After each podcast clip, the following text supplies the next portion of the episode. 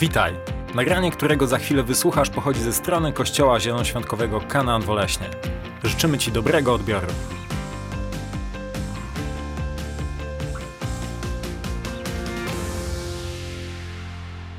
Okej.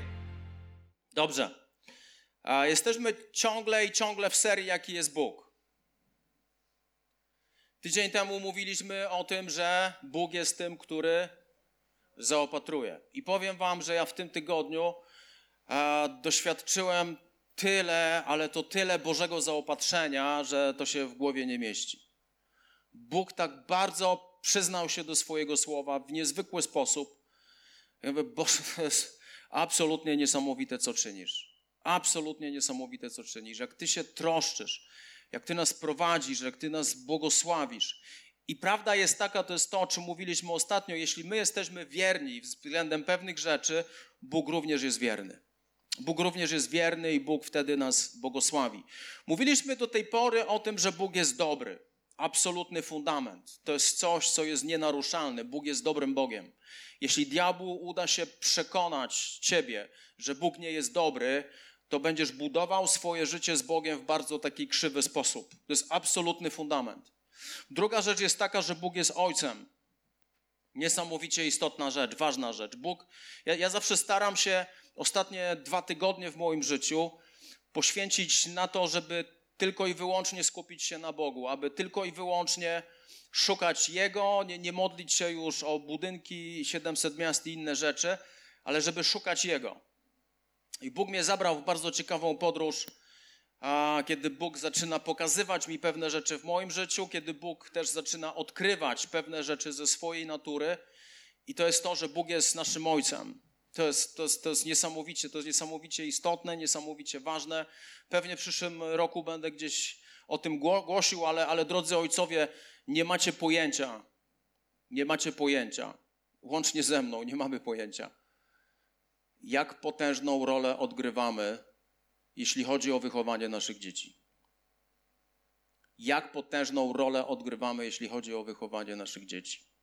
Kolejna rzecz była taka, że Bóg jest lekarzem, modliliśmy się o chorych. Ostatnia rzecz była taka, że Bóg zaopatruje. I dzisiaj jest coś, co mogłoby być taką trampoliną do serii 10 kazań.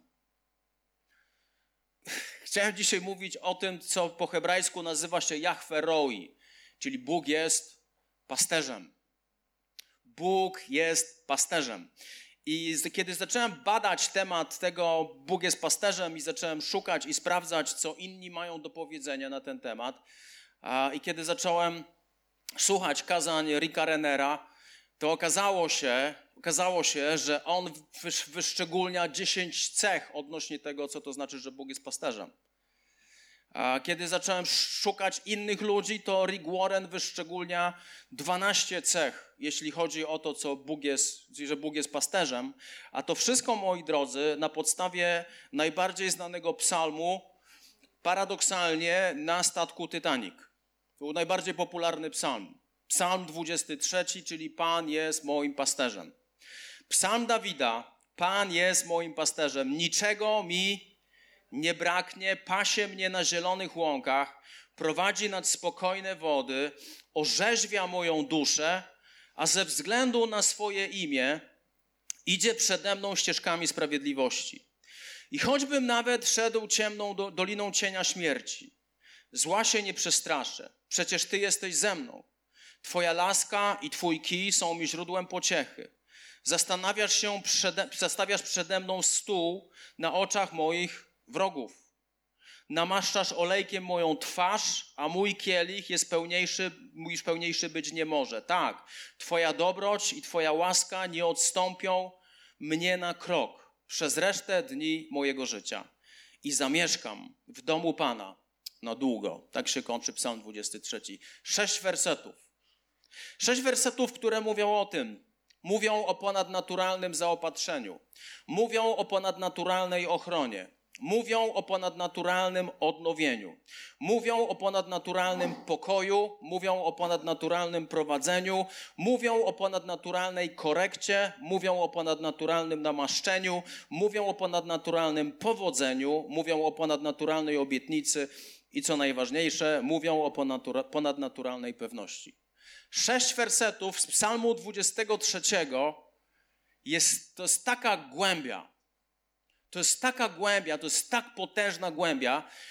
Powiedziałem, że ten psalm był popularny na, na, na, na statku Titanic. Nie wiem, czy widzieliście taki film Titanic. Jak ci ludzie, kiedy już, już Titanic już tonął, to ci ludzie na głos wyznawali psalm 23. Pan jest moim pasterzem. I pierwsza rzecz, której chciałbym dotknąć, że Biblia nie mówi Pan jest naszym pasterzem.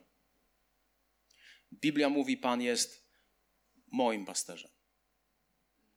Wiecie, co jest piękne w chrześcijaństwie? Że to wszystko jest takie osobiste. Że to wszystko jest takie osobiste. Że, kiedy, że, że nasza relacja z Bogiem jest taka osobista. Że nasza modlitwa z Nim jest taka osobista. Że sposób, w jaki On do nas mówi, jest tak bardzo osobisty. Że sposób, w jaki On nas prowadzi, jest tak bardzo osobisty. On jest Bogiem zaangażowanym. On jest Bogiem, który chce być Twoim pasterzem. Pan jest, Biblia nie mówi, Pan jest pasterzem. Nie, nie. Pan jest moim pasterzem. Powiem Ci, prawda jest taka. Albo Pan jest Twoim pasterzem, albo Ty jesteś pasterzem dla samego siebie. Są dwie opcje. Albo Pan jest Twoim pasterzem, albo sam się prowadzisz. Albo sam jesteś pasterzem dla siebie. Ty ustawiasz, co jest, ty ustanawiasz, co jest dobre, co jest złe. Ty wybierasz, gdzie pójść. Ty jesteś panem swojej drogi, ty jesteś panem swoich wartości, ty jesteś panem absolutnie wszystkiego, co jest w Twoim życiu. Wtedy ty jesteś pasterzem dla samego siebie i powiem Ci, droga prowadzi donikąd. Ale kiedy Pan jest Twoim pasterzem, Biblia otwiera przed Tobą 10 bądź 12 różnych obietnic, które Bóg ma dla nas. I Psalm 23 mówi o jednej rzeczy. Ja jestem Bogiem zaangażowanym w Twoje życie. Ja jestem Bogiem dobrym, ja jestem Bogiem, który chce Cię błogosławić na wiele, wiele różnych sposobów. I albo w to uwierzysz, albo będziesz żył tą prawdą, albo będziesz człowiekiem, który, który do końca nie będzie rozumiał swojego Boga. Przez te wszystkie imiona, o których my mówimy, że Bóg jest lekarzem, Bóg jest tym, który zaopatruje, Bóg jest dobry, to macie pokazać, jaki jest Bóg. Dlatego, że to, co ty myślisz o Bogu, ma niesamowity wpływ na jakość w Twoim życiu i na całą przyszłość w Twoim życiu. To, co myślisz, jaki jest Bóg. I dzisiaj chciałem dotknąć tego, że Bóg jest Bogiem odnowienia. Bóg jest Bogiem odnowienia. Pamiętam wczoraj, a przedwczoraj, przedwczoraj poszedłem z psem na wieś Wyszedłem na wieś, a to jest taka borki wielkie, to nie przez przypadek, że są wielkie. Są małe i są wielkie. W wielkich borkach wszystkie chodniki i drogi, czyli jedna, wszystko jest odśnieżone. W borkach małych nie. Ale w borkach wielkich wszystko jest odśnieżone. I kiedy sobie poszedłem z psem na spacer, mówię, Boże, jak tu, bo ja kocham zimę, ale z taką zimę ze śniegiem. Mówię, Boże, jak tu jest pięknie. Jak, jak tu jest pięknie. I później poszedłem z Krysią, jeszcze poszliśmy na pola z psem. Mówię, Boże, jak tu jest niesamowicie, jak tu jest pięknie. Jest tak pięknie, była taka mgła, że można by kręcić wszystkie horrory właśnie tam, w tamtym miejscu. Jest taka mgła, że nie, tak wyciągniesz rękę, to już nic nie widzisz. I mówię, Boże, jestem Ci wdzięczny. Jak ja jestem Ci wdzięczny za to, że Ty dałeś nam ten dom. I w tym momencie moje myśli pofrunęły gdzieś półtorej roku wcześniej. Dlatego, że ten dom oglądało wielu ludzi. Ten dom oglądało wielu ludzi. To była klasyczna ruina. To była klasyczna ruina. Ludzie oglądali to i mówili: No, okej, okay, no chcecie to, no nie wiem, próbujcie. Ja bym nie próbował. No nie wiem, to nie jest dobry pomysł. Mój znajomy przyjechał, mówi: najlepiej to zburzyć i zbudować coś nowego. Różne głosy się pojawiały w moim życiu, i wtedy pojawił się on. Człowiek, który okazał się być naszym głównym wykonawcą, który popatrzył. Krysia się go pyta: No i co, da się? Pani. Wszystko się da. I wtedy, jak Krysia mi opowiadała tą historię, mówię, Boże, to jest niezwykłe. Ty właśnie taki jesteś. Wiele razy widzisz ruiny. Tak de facto, bądźmy szczerzy, każdy z nas, przychodząc do Boga, jest jedną wielką ruiną. Jeśli jeszcze nie jesteś świadomy, że jesteś ruiną, to jeszcze nie rozumiesz tego, nie rozumiesz Bożej świętości, nie rozumiesz swojego życia. Przychodzimy jako ruina do Pana Boga, ale Bóg mówi: ja, ja to biorę. Ja to biorę. I zaczyna się proces odnowy nas. Zaczyna się remont. Zaczyna się burzenie pewnych rzeczy i budowanie pewnych rzeczy. My lubimy cały czas budować, ale czasami, żeby coś zbudować, trzeba coś zburzyć. I Bóg jest Bogiem, który nie jest zainteresowany tym, aby cię zniszczyć. Bóg jest zainteresowany tym, aby cię odnowić. On jest zawsze w biznesie, który odnawia. On zawsze remontuje ku dobremu. I Psalm 23, jeden z wersetów mówi, że On jest tym, który orzeźwia moją duszę, pociesza moją duszę, odnawia moją duszę. I kiedy sobie teraz popatrzymy na, na, na, na nas, na Ciebie, po, kiedy popatrzysz na siebie, to widzisz tam ciało, nie widzisz tam duszy i nie widzisz tam ducha, ale jesteś, jesteś kimś, jesteś istotą, która składa się z trzech elementów. Jest ciało, jest dusza i duch. I Bóg mówi, że on, Biblia mówi, że On orzeźwia moją duszę, On odnawia moją duszę. Nasza dusza to jest nic innego, jak nasz umysł, jak nasza wolna wola i nasze emocje. To jest nasza dusza. I Bóg mówi: Ja jestem tym, który odnawia Twój umysł. Ja jestem tym, który odnawia Twoją wo wolę. Ja jestem tym, który odnawia Twoje emocje. Jak to ktoś powiedział, dusza to jest ta część mnie, która myśli, wybiera i czuje. To jest moja dusza. I Twój umysł, i Twoje emocje oraz Twoja wola mogą być zmiażdżone przez różnego rodzaju sytuacje w Twoim życiu, przez różnego rodzaju okoliczności, przez wiele rzeczy, które dzieją się dookoła Ciebie i wewnątrz Ciebie Twoja dusza może być poszarpana. Nie czarujmy się. Ludzie, którzy chodzą do psychologów, do psychiatrów, to są ludzi, ludzie, którzy doświadczyli przez lata czegoś, co zniszczyło ich umysł, co zniszczyło ich wolę, co stali się niewolnikami czegoś i co wprowadziło zamieszanie w świat ich emocji, nad czym oni nie panują. Ale Bóg jest tym, który chce nas odnawiać. Bóg jest tym, który chce nas odnawiać. Bóg jest tym, który jest pasterzem, to jest, który chce być Twoim pasterzem, który Cię odnawia. Może po kolei. Co niszczy naszą duszę? Dlaczego czasami nie czujesz, nie myślisz i nie wybierasz tego, co właściwe? Dlaczego czasami nie czujesz, nie myślisz i nie wybierasz tego, co właściwe? Kiedy patrzę na życie człowieka, kiedy patrzę na jego wybory, kiedy patrzę na jego decyzje, kiedy patrzę na jego reakcje, wtedy wiem, że to nie, to, to, to nie jest jakiś skomplikowany problem. To jest problem duszy. To jest problem jego duszy. I coś wam powiem.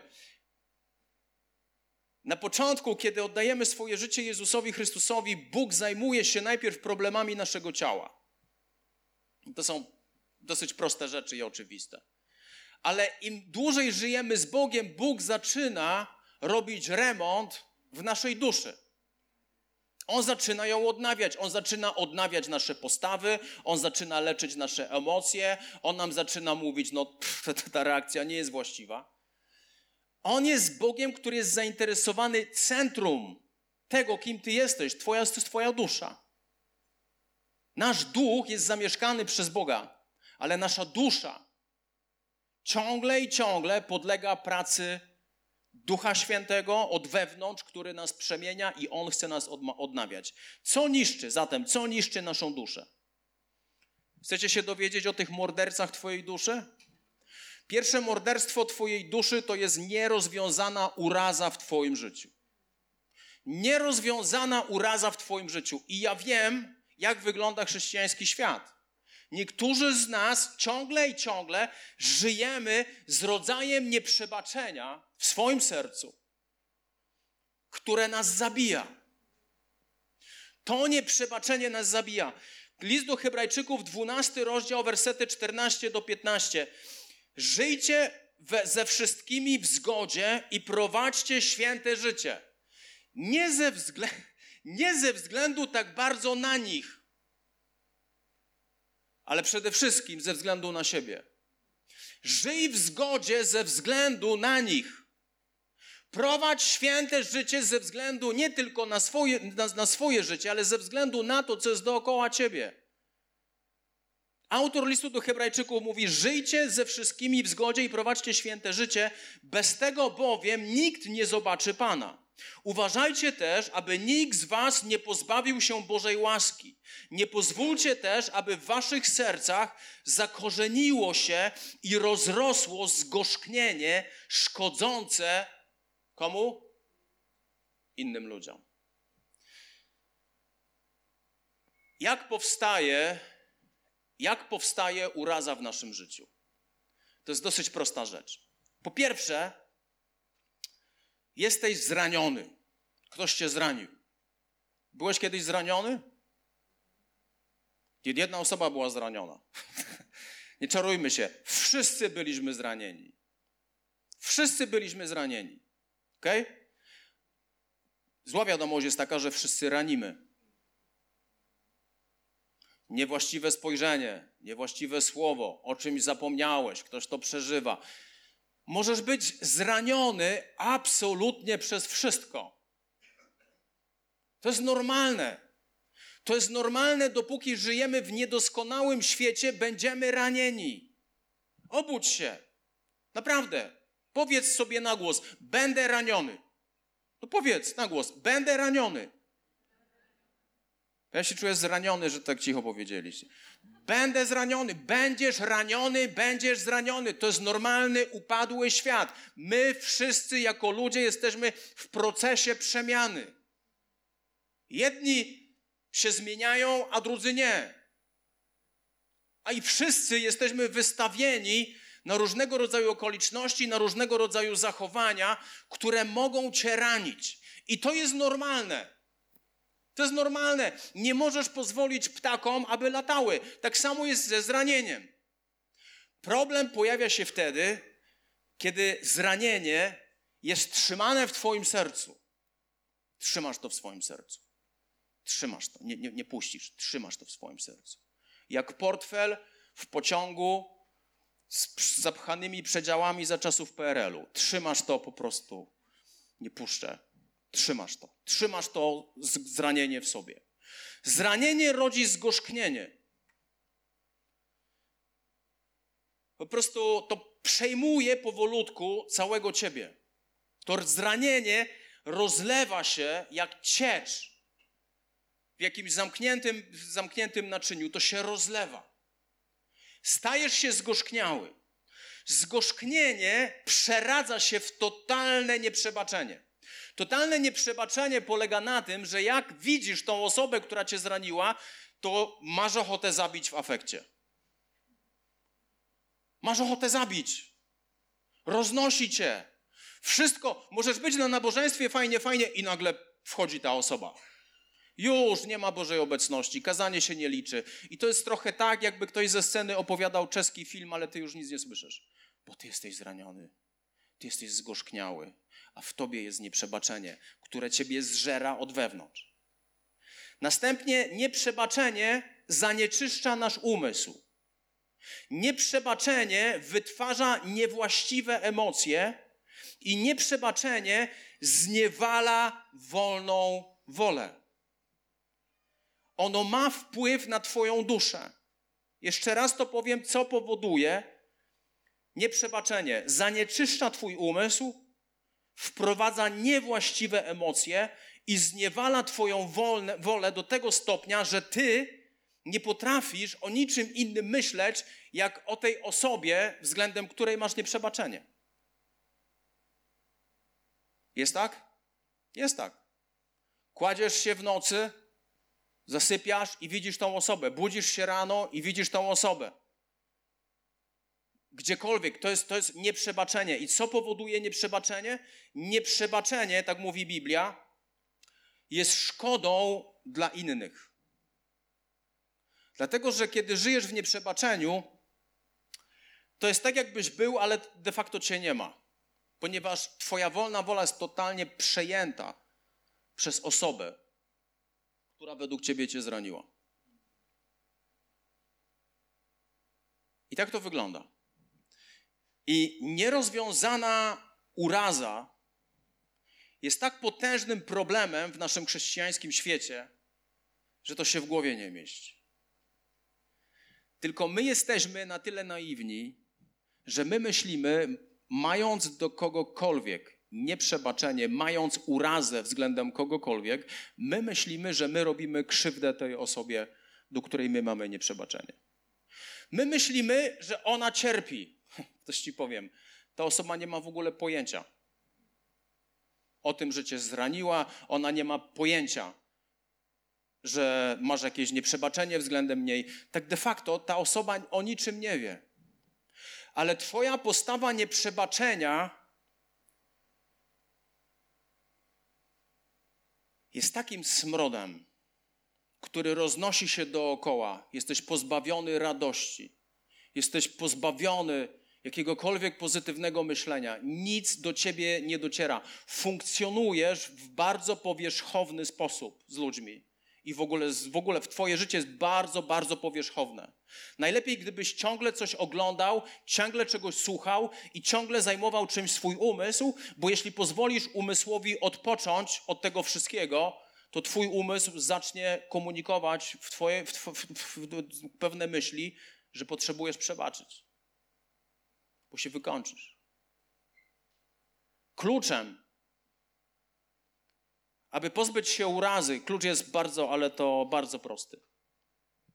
Lekarstwem jest jedna podstawowa rzecz: przebaczenie. Przebacz. Nie do końca ze względu na tą drugą osobę, ale ze względu na siebie. Przebacz. Przebacz.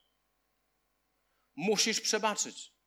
Jeśli nie przebaczysz, tej drugiej osobie, jeśli nie zrobisz tego szczerze, jeśli nie zrobisz tego z głębi swojego serca, uwierz mi, posłuchaj mnie. Ja, ja czasami myślę, że ludzie żyjący w nieprzebaczeniu naprawdę myślą, że wyrządzają innym ludziom krzywdę, bo oni są tak poranieni, bo oni mają nieprzebaczenie w sobie i, i, i, i ktoś myśli, że wyrządza tobie, ty myślisz, że wyrządzasz komuś krzywdę. Nie, ty sobie robisz największą krzywdę. Sobie robisz największą krzywdę. List do Rzymian, 12 rozdział, werset 17. Nie odpłacajcie nikomu złem za zło. Starajcie się o to, co jest dobre dla wszystkich ludzi. Jeśli to z waszej strony możliwe, zachowujcie pokój ze wszystkimi. Posłuchaj jeszcze raz. Jeśli jest to zależne od ciebie, miej pokój ze wszystkimi. Nie masz o tym, że Bóg będzie błogosławił Twoje życie, jeśli zbudowałeś nad sobą sufit nieprzebaczenia. Bóg nie jest w stanie błogosławić Cię, jeśli zbudowałeś sufit nieprzebaczenia. Bóg nie jest w stanie. Jeśli jest to możliwe, jeśli jest to możliwe, zachowuj pokój ze wszystkimi. Błogosławieni pokój czyniący. To jest jedno z ośmiu błogosławieństw na kazaniu na górze. Najdrożsi, nie mścijcie się sami. Pozostawcie miejsce gniewowi Bożemu. Czytamy przecież, pomsta należy do mnie, ja odpłacę, mówi Pan, lecz jeśli twój nieprzyjaciel jest głodny, nakarm go, jeśli spragniony, daj mu się napić. To czyniąc, zgarniesz na jego głowę rozżarzone węgle, nie daj się zwyciężyć złu, ale zło przezwyciężaj dobrem. Przebaczenie. Przebaczenie. Przebaczenie, szukanie pokoju I Bóg jest Bogiem sprawiedliwym. To nie jest tak, że ktoś tobie wyrządził krzywdę i jemu to przejdzie gdzieś tam płazem, Bóg o tym zapomni. Nie, nie, nie, nie, nie, to tak nie działa. Jeśli ty kogoś zraniłeś, to zbierzesz konsekwencje tego, co zrobiłeś. Zbierzesz konsekwencje. Dlatego, dlatego Paweł mówi: zostaw miejsce gniewowi Bożemu, zostaw, zostaw to Bogu. Bóg to załatwi, ale ty zajmij się sobą. Bądź tym, który błogosławi, bądź tym, który czyni pokój, bądź tym, który zło zwycięża dobrem. To jest lekcja dojrzałego chrześcijaństwa. Nie mów mi, że jesteś dojrzałym człowiekiem, jeśli żyjesz w nieprzebaczeniu. Nie mów mi, że jesteś dojrzałym człowiekiem, jak pierwszy nie szukasz pokoju. Nie mów mi, że jesteś dojrzałym człowiekiem, dojrzałym chrześcijaninem, jak nie potrafisz przeprosić. Nie mów mi. Albo jesteś rewelacyjny w wymówkach, w usprawiedliwianiu samego siebie, a jeśli jesteś rewelacyjny w wymówkach i w usprawiedliwianiu samego siebie, to powiem ci, w czym jeszcze jesteś dobry. W niczym innym. Wymówki, usprawiedliwienia, w skupianiu się na sobie i ciągle rozpamiętywanie tego zranienia. Przebacz. Druga rzecz. Druga rzecz, która niszczy Twoją duszę, to jest poczucie winy. Pierwsza księga Mojżeszowa, czwarty rozdział, werset od 5 do 10. Kaina zaś i jego ofiary Bóg nie przyjął. Kain rozgniewał się bardzo z tego powodu i posmutniał.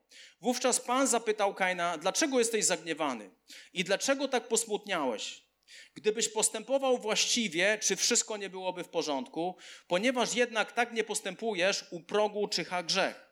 Chciałby tobą zawładnąć, lecz ty masz nad nim panować. Kain jednak zwrócił się do swojego brata Abla. Wyjdźmy razem w pole, a kiedy tam się znaleźli, Kain rzucił się na swojego brata i zabił go. Wtedy Pan zapytał Kaina, gdzie jest Abel, twój brat? Nie wiem, odpowiedział. Czy ja jestem stróżem mojego brata? Cóż ty zrobiłeś? spytał Pan. Rozlana krew twojego brata woła do mnie z ziemi. Ciekawe. Kain zabił Abla. Kain złożył Bogu ofiarę i Bóg nie przyjął tej ofiary, ponieważ to były strzępy, a nie to, co najlepsze i nie to, co pierwsze w życiu Kaina. Bóg odrzucił tą ofiarę, co spowodowało, że w Kainie urosła niechęć do Boga i wszystkiego dookoła. W Kainie pojawiła, pojawiła się nienawiść do Abla. I w rezultacie Kain nie panując nad swoimi emocjami, nie panując nad swoimi myślami, nie panując nad, nad swoją wolą, zabija Abla. I pojawia się w życiu Kaina fatalna rzecz, która również się pojawia w naszym życiu. Kiedy my zrobimy coś złego, pojawia się poczucie winy. Poczucie winy jest czymś, co na dłuższą metę cię wykończy. I znowu, tak jak powiedziałem, że wszyscy ranimy i będziemy ranieni, tak samo mówię, że wszyscy grzeszymy i będziemy grzeszyć. Nie uciekniesz od tego. My jesteśmy w trakcie procesu uświęcania. Nie jest możliwe na ziemi nie grzeszyć. To jest nierealne. Dopóki mamy wolną wolę, możemy grzeszyć. I tak samo jak my wszyscy ranimy i jesteśmy ranieni, tak samo grzeszymy. I grzech wywołuje w nas poczucie winy. Poczucie winy, jeśli nie przyjdziemy z tym do Boga, to nas zgniecie i totalnie sparaliżuje. Będziemy takimi mumiami, chrześcijańskimi mumiami, które nie przyszły do Boga ze swoim grzechem, z tym, co, zrobi, co zrobiły, ale ciągle i ciągle i ciągle będziemy żyć w poczuciu winy, że to się stało. Powiem Wam, jak to się rodzi. Po pierwsze, jest pokusa. Kiedy pojawia się pokusa, ulegamy pokusie, pojawia się grzech. Kiedy pojawia się grzech, kiedy grzeszymy, pojawia się potępienie. Kiedy pojawia się potępienie, to nasz umysł jest totalnie zanieczyszczony. Nasze myśli są wypełnione wszystkim, co negatywne. Nienawidzimy siebie, nienawidzimy tego, co zrobiliśmy. Mówimy Bogu ostatni raz. Zrobiłem to ostatni raz, już nigdy więcej, obiecuję. Pojawiają się niewłaściwe emocje, i im bardziej praktykujemy grzech, tym bardziej sprawnymi niewolnikami grzechu się stajemy. Grzech prowadzi do niewoli. I kiedy my żyjemy w taki sposób, pojawia się pokusa, pojawia się grzech, pojawia się potępienie, za potępieniem idzie poczucie winy, za poczuciem winy idzie wstyd, a za wstydem idzie nienawiść do samego siebie. Powiem ci, nienawidziłeś kiedyś samego siebie? Jeśli nie, jeśli nie było takiego momentu w Twoim życiu, to prawdopodobnie nigdy nie zrozumiałeś tego, kim jest Bóg, ani nigdy nie zrozumiałeś tego, kim Ty jesteś w oczach Boga. Ja miałem wiele razy, że nienawidziłem siebie. Nienawidziłem tego, co zrobiłem. Nienawidziłem tego, że znowu upadłem. Nienawidziłem tego, że znowu zgrzeszyłem. Często jest tak, że nienawidzę tego, co robię. Często. Że nienawidzę tego, co zrobiłem. Nienawidzę myśli, które się pojawiają w głowie. Nienawidzę. Ale jest jedno wyjście, aby nie żyć w poczuciu winy. Pierwszy list Jana, pierwszy rozdział, wersety od 9 do 10. Jeśli przyznajemy się do naszych grzechów, On jest wierny i sprawiedliwy. Przebaczy nam grzechy i oczyści nas od wszelkiej nieprawości. Gdybyśmy powiedzieli, że nie ciąży na nas grzech, robilibyśmy z Niego kłamcę, nie byłoby w Nim w nas Jego słowa. Proste. Jeśli przyznajemy się do naszych grzechów, On jest wierny i sprawiedliwy, przebaczy nam grzechy i oczyści nas od wszelkiej nieprawości. Pierwsza rzecz, która wyprowadza nas z poczucia winy, to jest to, że musisz się przyznać. Wiecie, że są ludzie, oczywiście nie wy, ale są ludzie, którzy nigdy w życiu nie popełnili żadnego błędu. Oczywiście nie wy. Są ludzie, którym jak zwrócisz uwagę, to jakbyś nacisnął czerwony guzik, jakby coś eksplodowało. Są ludzie, którzy nie są w stanie przyznać się do błędu. Jeśli nie jesteś w stanie przyznać się do swojego grzechu przed Bogiem, nie ma przebaczenia dla ciebie. Podstawowa rzecz, Panie, zgrzeszyłem. Psalm 51. Dawid zgrzeszył z Betrzebą. Dawid po prostu popełnił fatalny błąd. Przychodzi do Boga i pokutuje. Wyobrażasz to sobie, że cały świat czyta najbardziej popularną księgę na świecie, czyli Biblię, bo to jest ciągle bestseller od lat. I wszyscy czytają o Dawidzie, o tym, co zrobiłeś. Że powinieneś być na wojnie, ale przechadzałeś się po swoim tarasie i zgrzeszyłeś z Batrzebą. Wszyscy o tym czytają. Pierwsza, grze, pierwsza rzecz, przyznaj się. I powiem Ci tak, ja, jestem, ja już jestem starym chrześcijaninem. Pokorni ludzie nie mają problemu w przyznawaniu się do błędów. Niedojrzałość polega na tym, że ty ciągle szukasz usprawiedliwienia. Do jasnej ciasnej, to powiedziałem, do jasnej ciasnej jesteś osobą, tak samo jak ja, która ciągle popełnia błędy. Musisz nauczyć się przyznawać do swoich błędów, musisz nauczyć się przyznawać przed Bogiem do swoich grzechów i nie ściemniaj, nie kłam, bo Bóg widzi wszystko. Druga rzecz. Przypowieści Salomona, 28 rozdział, werset 13-14. Kto ukrywa swoje występki, nie ma powodzenia, lecz kto je wyznaje i porzuca, dostępuje miłosierdzia. Szczęśliwy człowiek, który jest zawsze wrażliwy. Hmm. Tego, który zatwardza serce, dotknie nieszczęście. Salomon pięknie to powiedział. Kto ukrywa swoje występki, nie ma powodzenia. Nie ukrywaj swoich występków. Nie ukrywaj swoich grzechów. Nie ukrywaj swoich błędów. Ale wyznaj je. Wyznaj je przed Bogiem. Może musisz przed kimś innym jeszcze, ale wyznaj je przed Bogiem. Porzuć je i wtedy dostąpisz miłosierdzia. I Salomon mówi dalej: Szczęśliwy jest człowiek, który jest zawsze wrażliwy. Bóg dał nam mięsiste serca. Nasze serca w Starym Testamencie były zatwardziałe, ale Bóg daje nam mięsiste serce. To jest coś, co otrzymujemy od Niego, kiedy mówimy: Panie Jezu, oddaję Ci moje życie. To jest moment, że Duch Święty przychodzi do naszego życia i On zmiękcza nasze serca. Czy da się zatwardzić nasze serca z powrotem? Oczywiście. Przestajesz być wrażliwy. Pewien człowiek bardzo dużego kościoła powiedział kiedyś taką rzecz. Wymieniał rzeczy, które decydują o tym, czy ktoś będzie zatrudniony w kościele, czy nie będzie zatrudniony w kościele. Mówi, nikt na to nie zwraca uwagi, ale dla mnie kluczowe pytanie jest takie: jak ta osoba, utalentowana, niesamowicie jaka, reaguje, kiedy przychodzi Boża obecność? Kiedy przychodzi Boża obecność, to automatyczne jest to, że Twoje serce staje się miękkie. I w tym momencie, przy tym miękkim sercu, gdyby ktoś ci powiedział, idź przeproś Boga, nie masz problemu, idź przeproś tamtą osobę, nie ma problemu, idź przeproś tamtą osobę, nie ma problemu, bo twoje serce jest miękkie, twoje serce jest wrażliwe. Bóg niewiele jest w stanie zrobić z człowiekiem, który ma zatwardziałe serce, ale jest w stanie mnóstwo zrobić z tym, który jest przed nim szczery, którego serce jest wrażliwe. I ostatnia rzecz, jeśli chodzi o poczucie winy, niech to będzie w Twoim życiu natychmiastowa reakcja. Kiedy upadniesz, kiedy zgrzeszysz, a to jest niestety dla nas naturalne, nie czekaj, aby przyjść z tym do Boga. Biegnij. Syn marnotrawny, kiedy odszedł od ojca,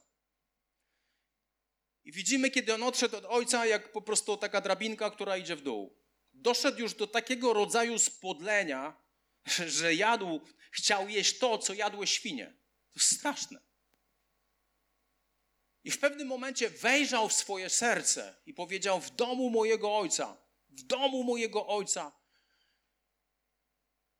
są jego pracownicy, są niewolnicy, którzy mają o wiele lepiej niż ja. Wstanę i pójdę do niego.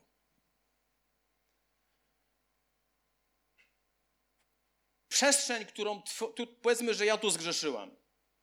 A powiedzmy, że tutaj jest Bóg, gdzie jest ta klatka.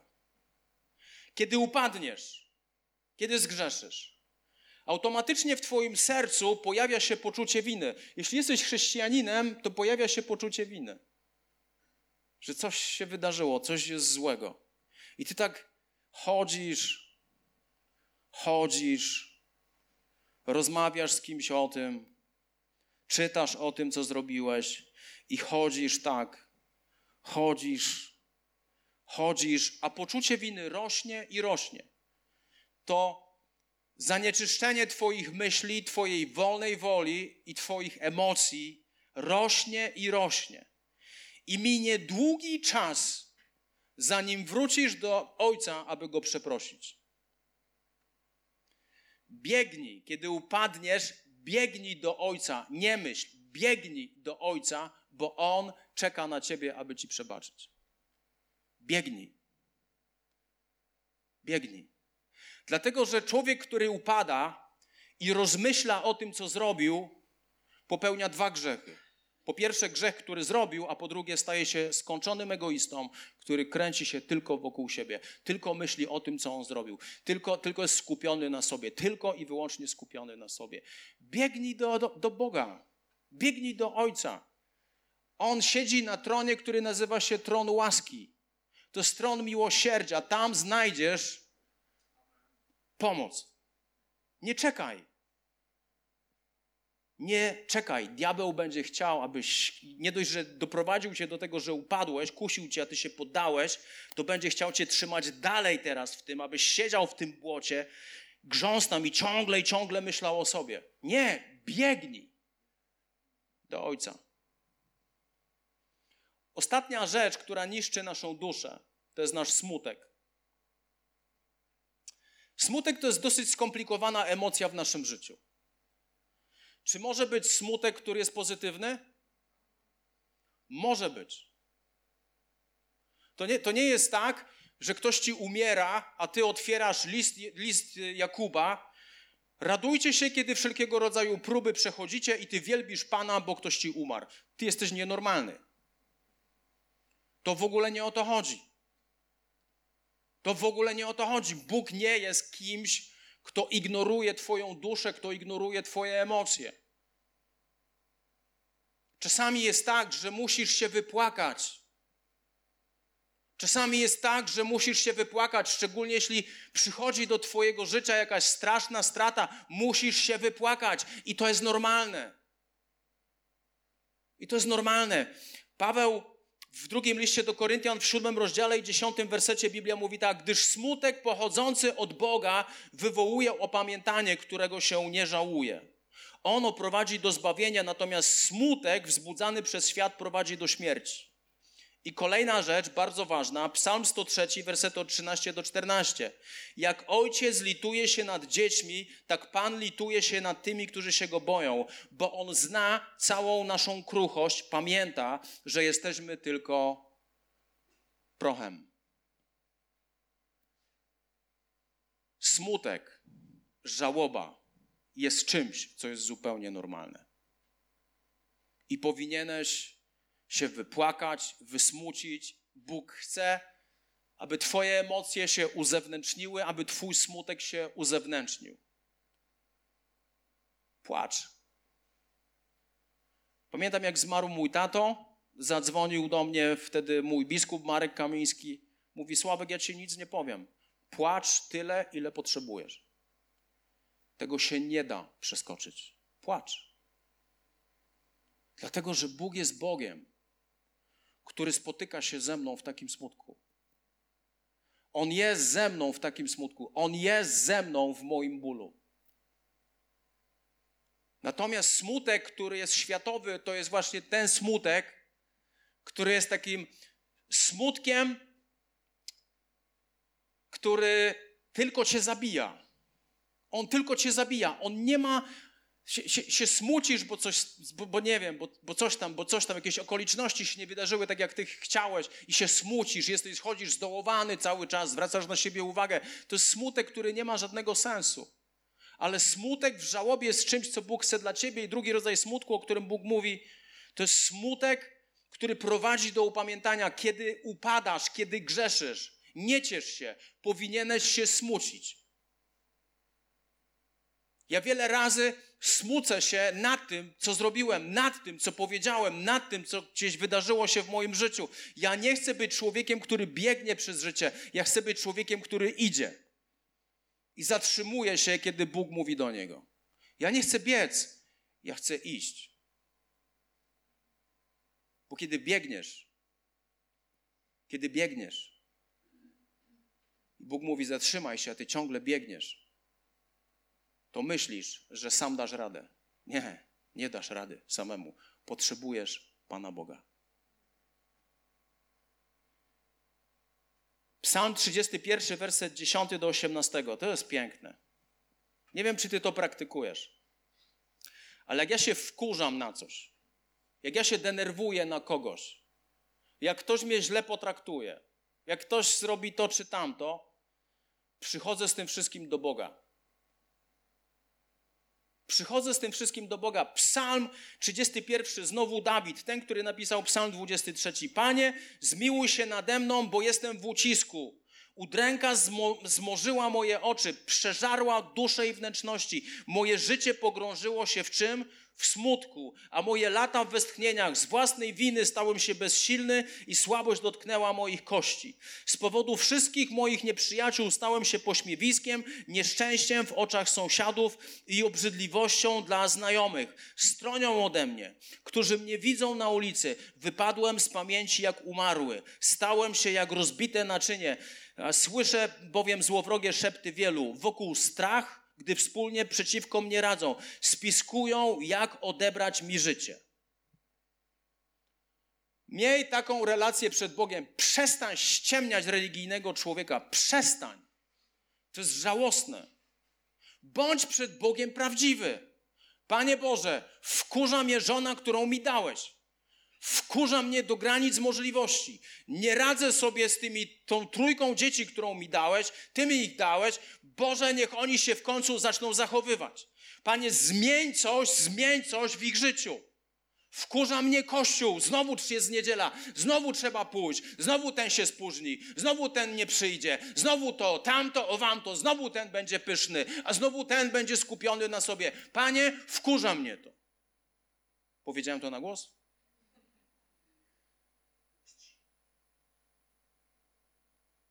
To, jak ktoś mnie wkurza, o tym najbardziej wie Bóg. Wiecie, co mi to daje? Wolność. Dlatego, że Dawid, jak się wkurzał, ten, który napisał Psalm 23, to nigdy nie szedł w taką ciągłą stronę narzekania, ale tak marudził, marudził, marudził, marudził, marudził. Ja nie wiem, jak to jest, ale kiedy marudzisz, marudzisz, marudzisz, marudzisz i nagle pojawia się na twoich ustach coś, co pojawiło się w życiu Dawida, lecz ja Tobie ufam, Panie. Powiedziałem, Ty jesteś moim Bogiem. W Twoim ręku są moje losy. Ocal mnie od prześladowców i wrogów. Rozjaśnij oblicze nad swym sługą. Wybaw mnie ze względu na swoją łaskę. Panie, niech nie spotka mnie wstyd za to, że wróciłem do Ciebie. Niech spadnie on raczej na bezbożnych. Niech zamilkną w świecie umarłych. W całym swoim narzekaniu, właściwe, właśnie może nie narzekaniu, ale wyrażaniu smutku przed Bogiem, to zawsze skończy się uwielbieniem dla Boga. I to jest zdrowe.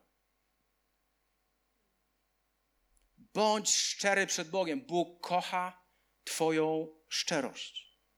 Powiem Ci, jak to się dzieje.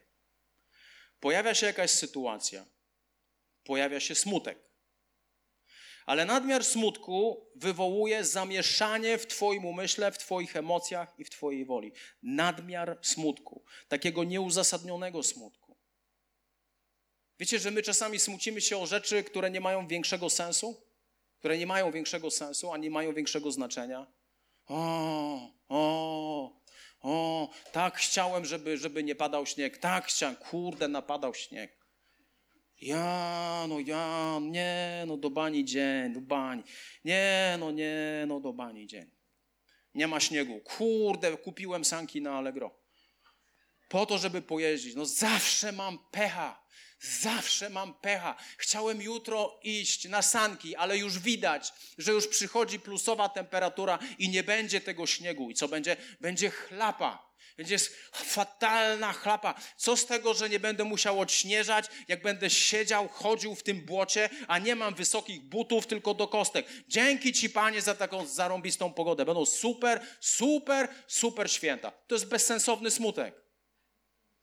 To jest tak mocno skupione na Tobie, to jest tak mocno skoncentrowane na Tobie, że to jest jakaś masakra. Przestań. Przestań się skupiać na sobie, bo smu wiele smutku jest totalnie bezsensownego.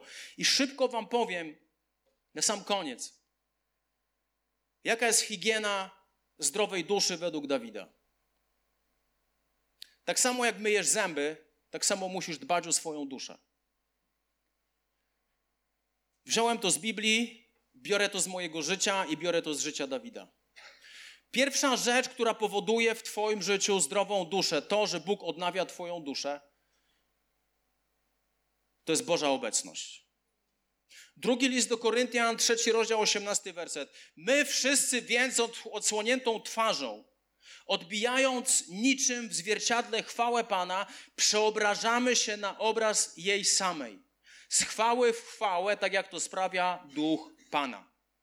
Boża obecność stanie w uwielbieniu, stanie przed Bogiem i uwielbienie Boga. Bycie w Bożej obecności zawsze będzie cię odnawiać. Zawsze niemożliwe jest, powiem ci tak, niemożliwe jest to, jeśli myślisz, że jest inaczej, to kłamiesz. Niemożliwe jest, żebyś spędził czas w uwielbieniu i byłoby ci później tylko gorzej. To jest niemożliwe. Coś jest mocno nie tak z tobą.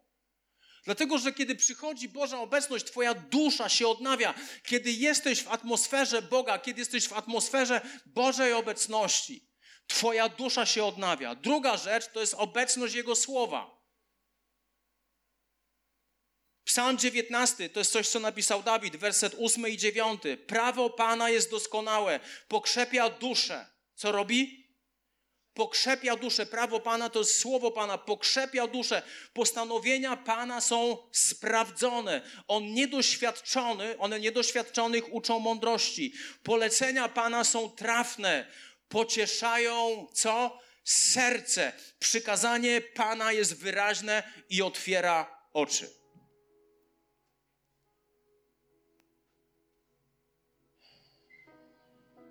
Powiem to. Bardziej bądź fanatykiem Bożego Słowa niż snów, wizji i innych derdymałów. Powiedziałem to. Bo jeśli nie ma w Twoim życiu fundamentu Bożego Słowa, to te derdymały ci mocno namieszają w Twoim życiu. My lubimy wizję, sny. To wszystko lubimy.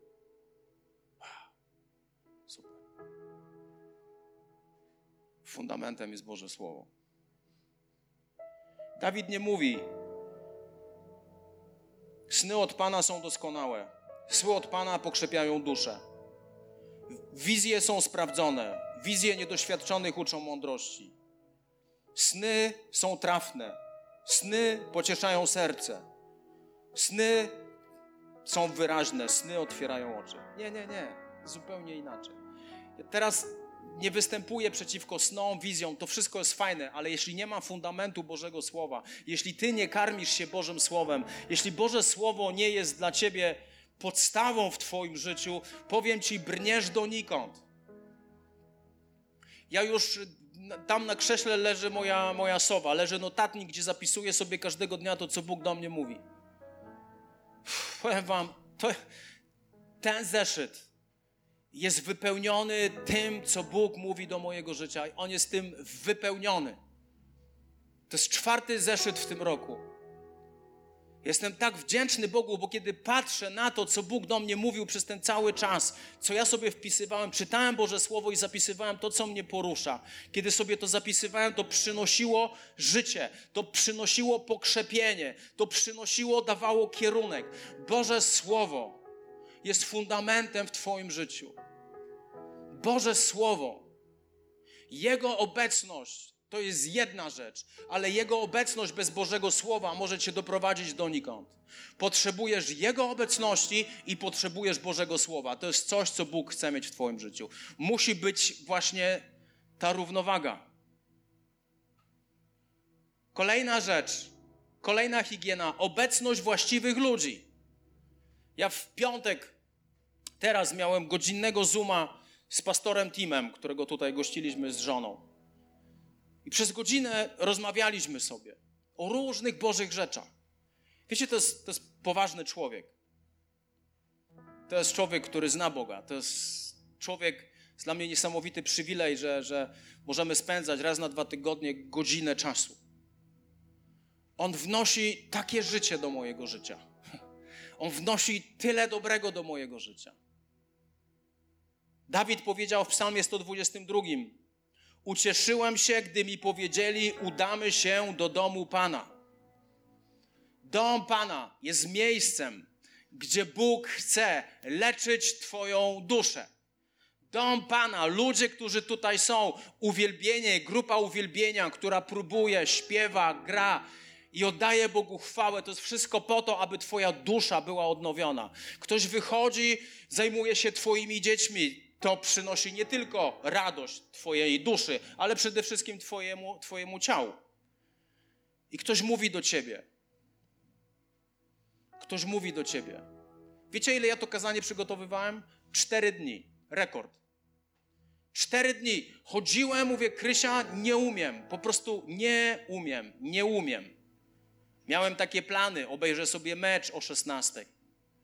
Miałem takie plany, że będzie fajny, fajny dzień. Nie, Bóg po prostu, myślałem, że już coś mam, Bóg wszystko o godzinie 16 zmienił.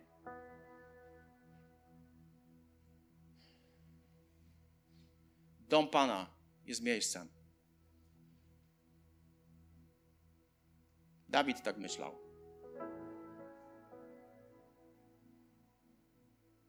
Ucieszyłem się, gdy mi powiedzieli udamy się do domu Pana. I ostatnia rzecz.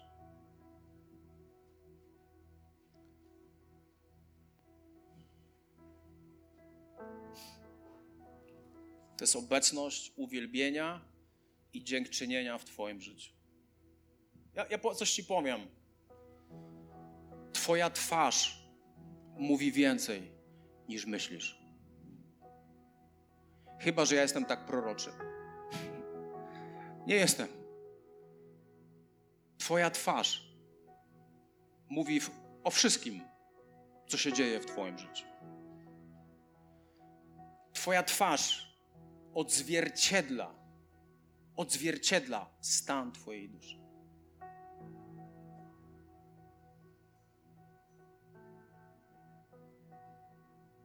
Psalm setny, werset czwarty i piąty. Wkroczcie w Jego bramy z dziękczynieniem, wejdźcie na dziedzińce z pieśnią chwały. Sławcie Go, błogosławcie Jego imię, ponieważ Pan jest dobry, a Jego łaska trwa na wieki, a Jego wierność rozciąga się na pokolenia.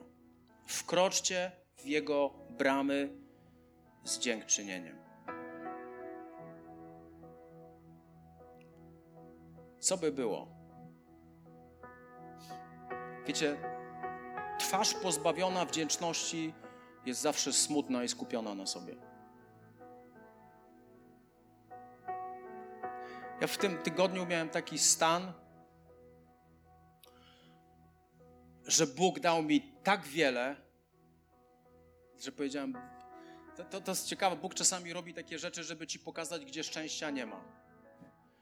Bóg mi dał tak wiele, że Boże, ale ja nie, nie, nie powiem, że nie chcę, ale to jest niczym w porównaniu do Twojej obecności.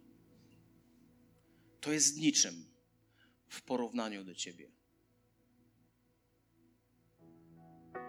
Czasami Bóg da Ci tak dużo czegoś, tak dużo, żebyś zrozumiał, że to Ci nigdy nie da szczęścia.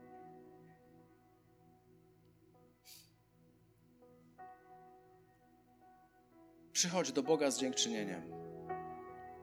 Niech atmosfera uwielbienia będzie czymś, co będzie wypełniać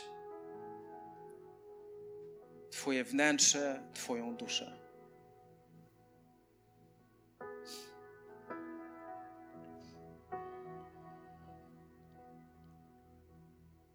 On odnawia moją duszę. Pan jest pasterzem moim. On odnawia moją duszę. Od nas zależy. Posłuchajcie. Od nas zależy, czy nasza dusza będzie odnowiona, czy będzie dalej w tym samym stanie. Od nas zależy.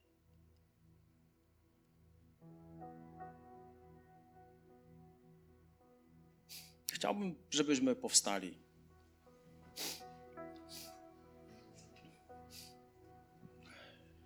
Jeśli możesz, to wstań.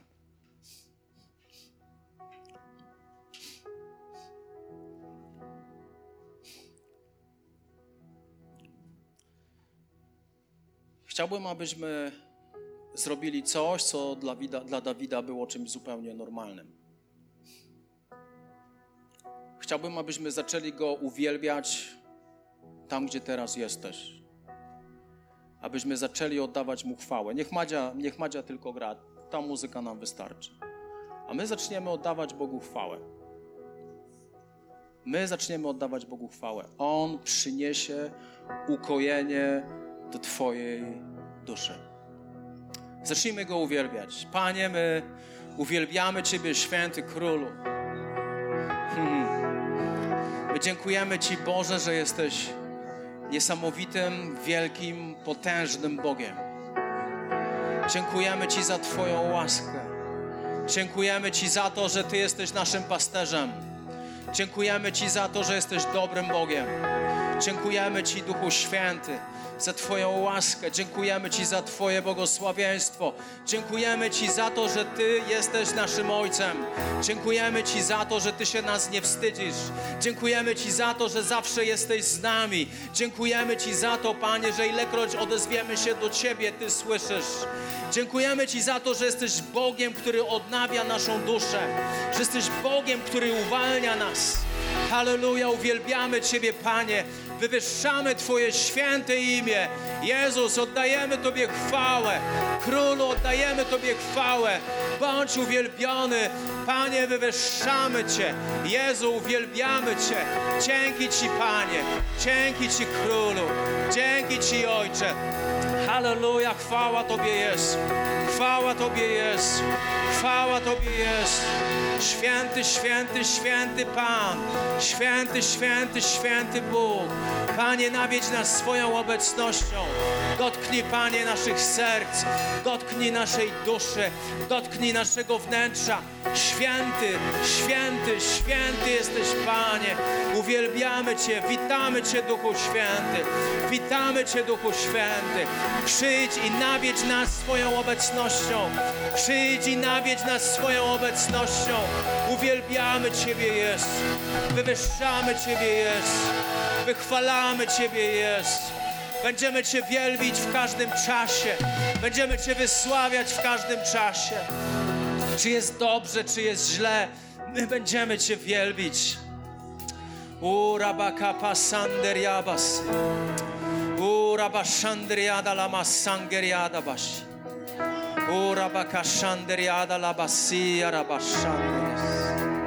Święty, święty, święty jesteś. Święty, święty, święty jesteś. Święty jesteś, Panie. Święty jesteś, Panie. Halleluja. Halleluja. Panie, ja modlę się, aby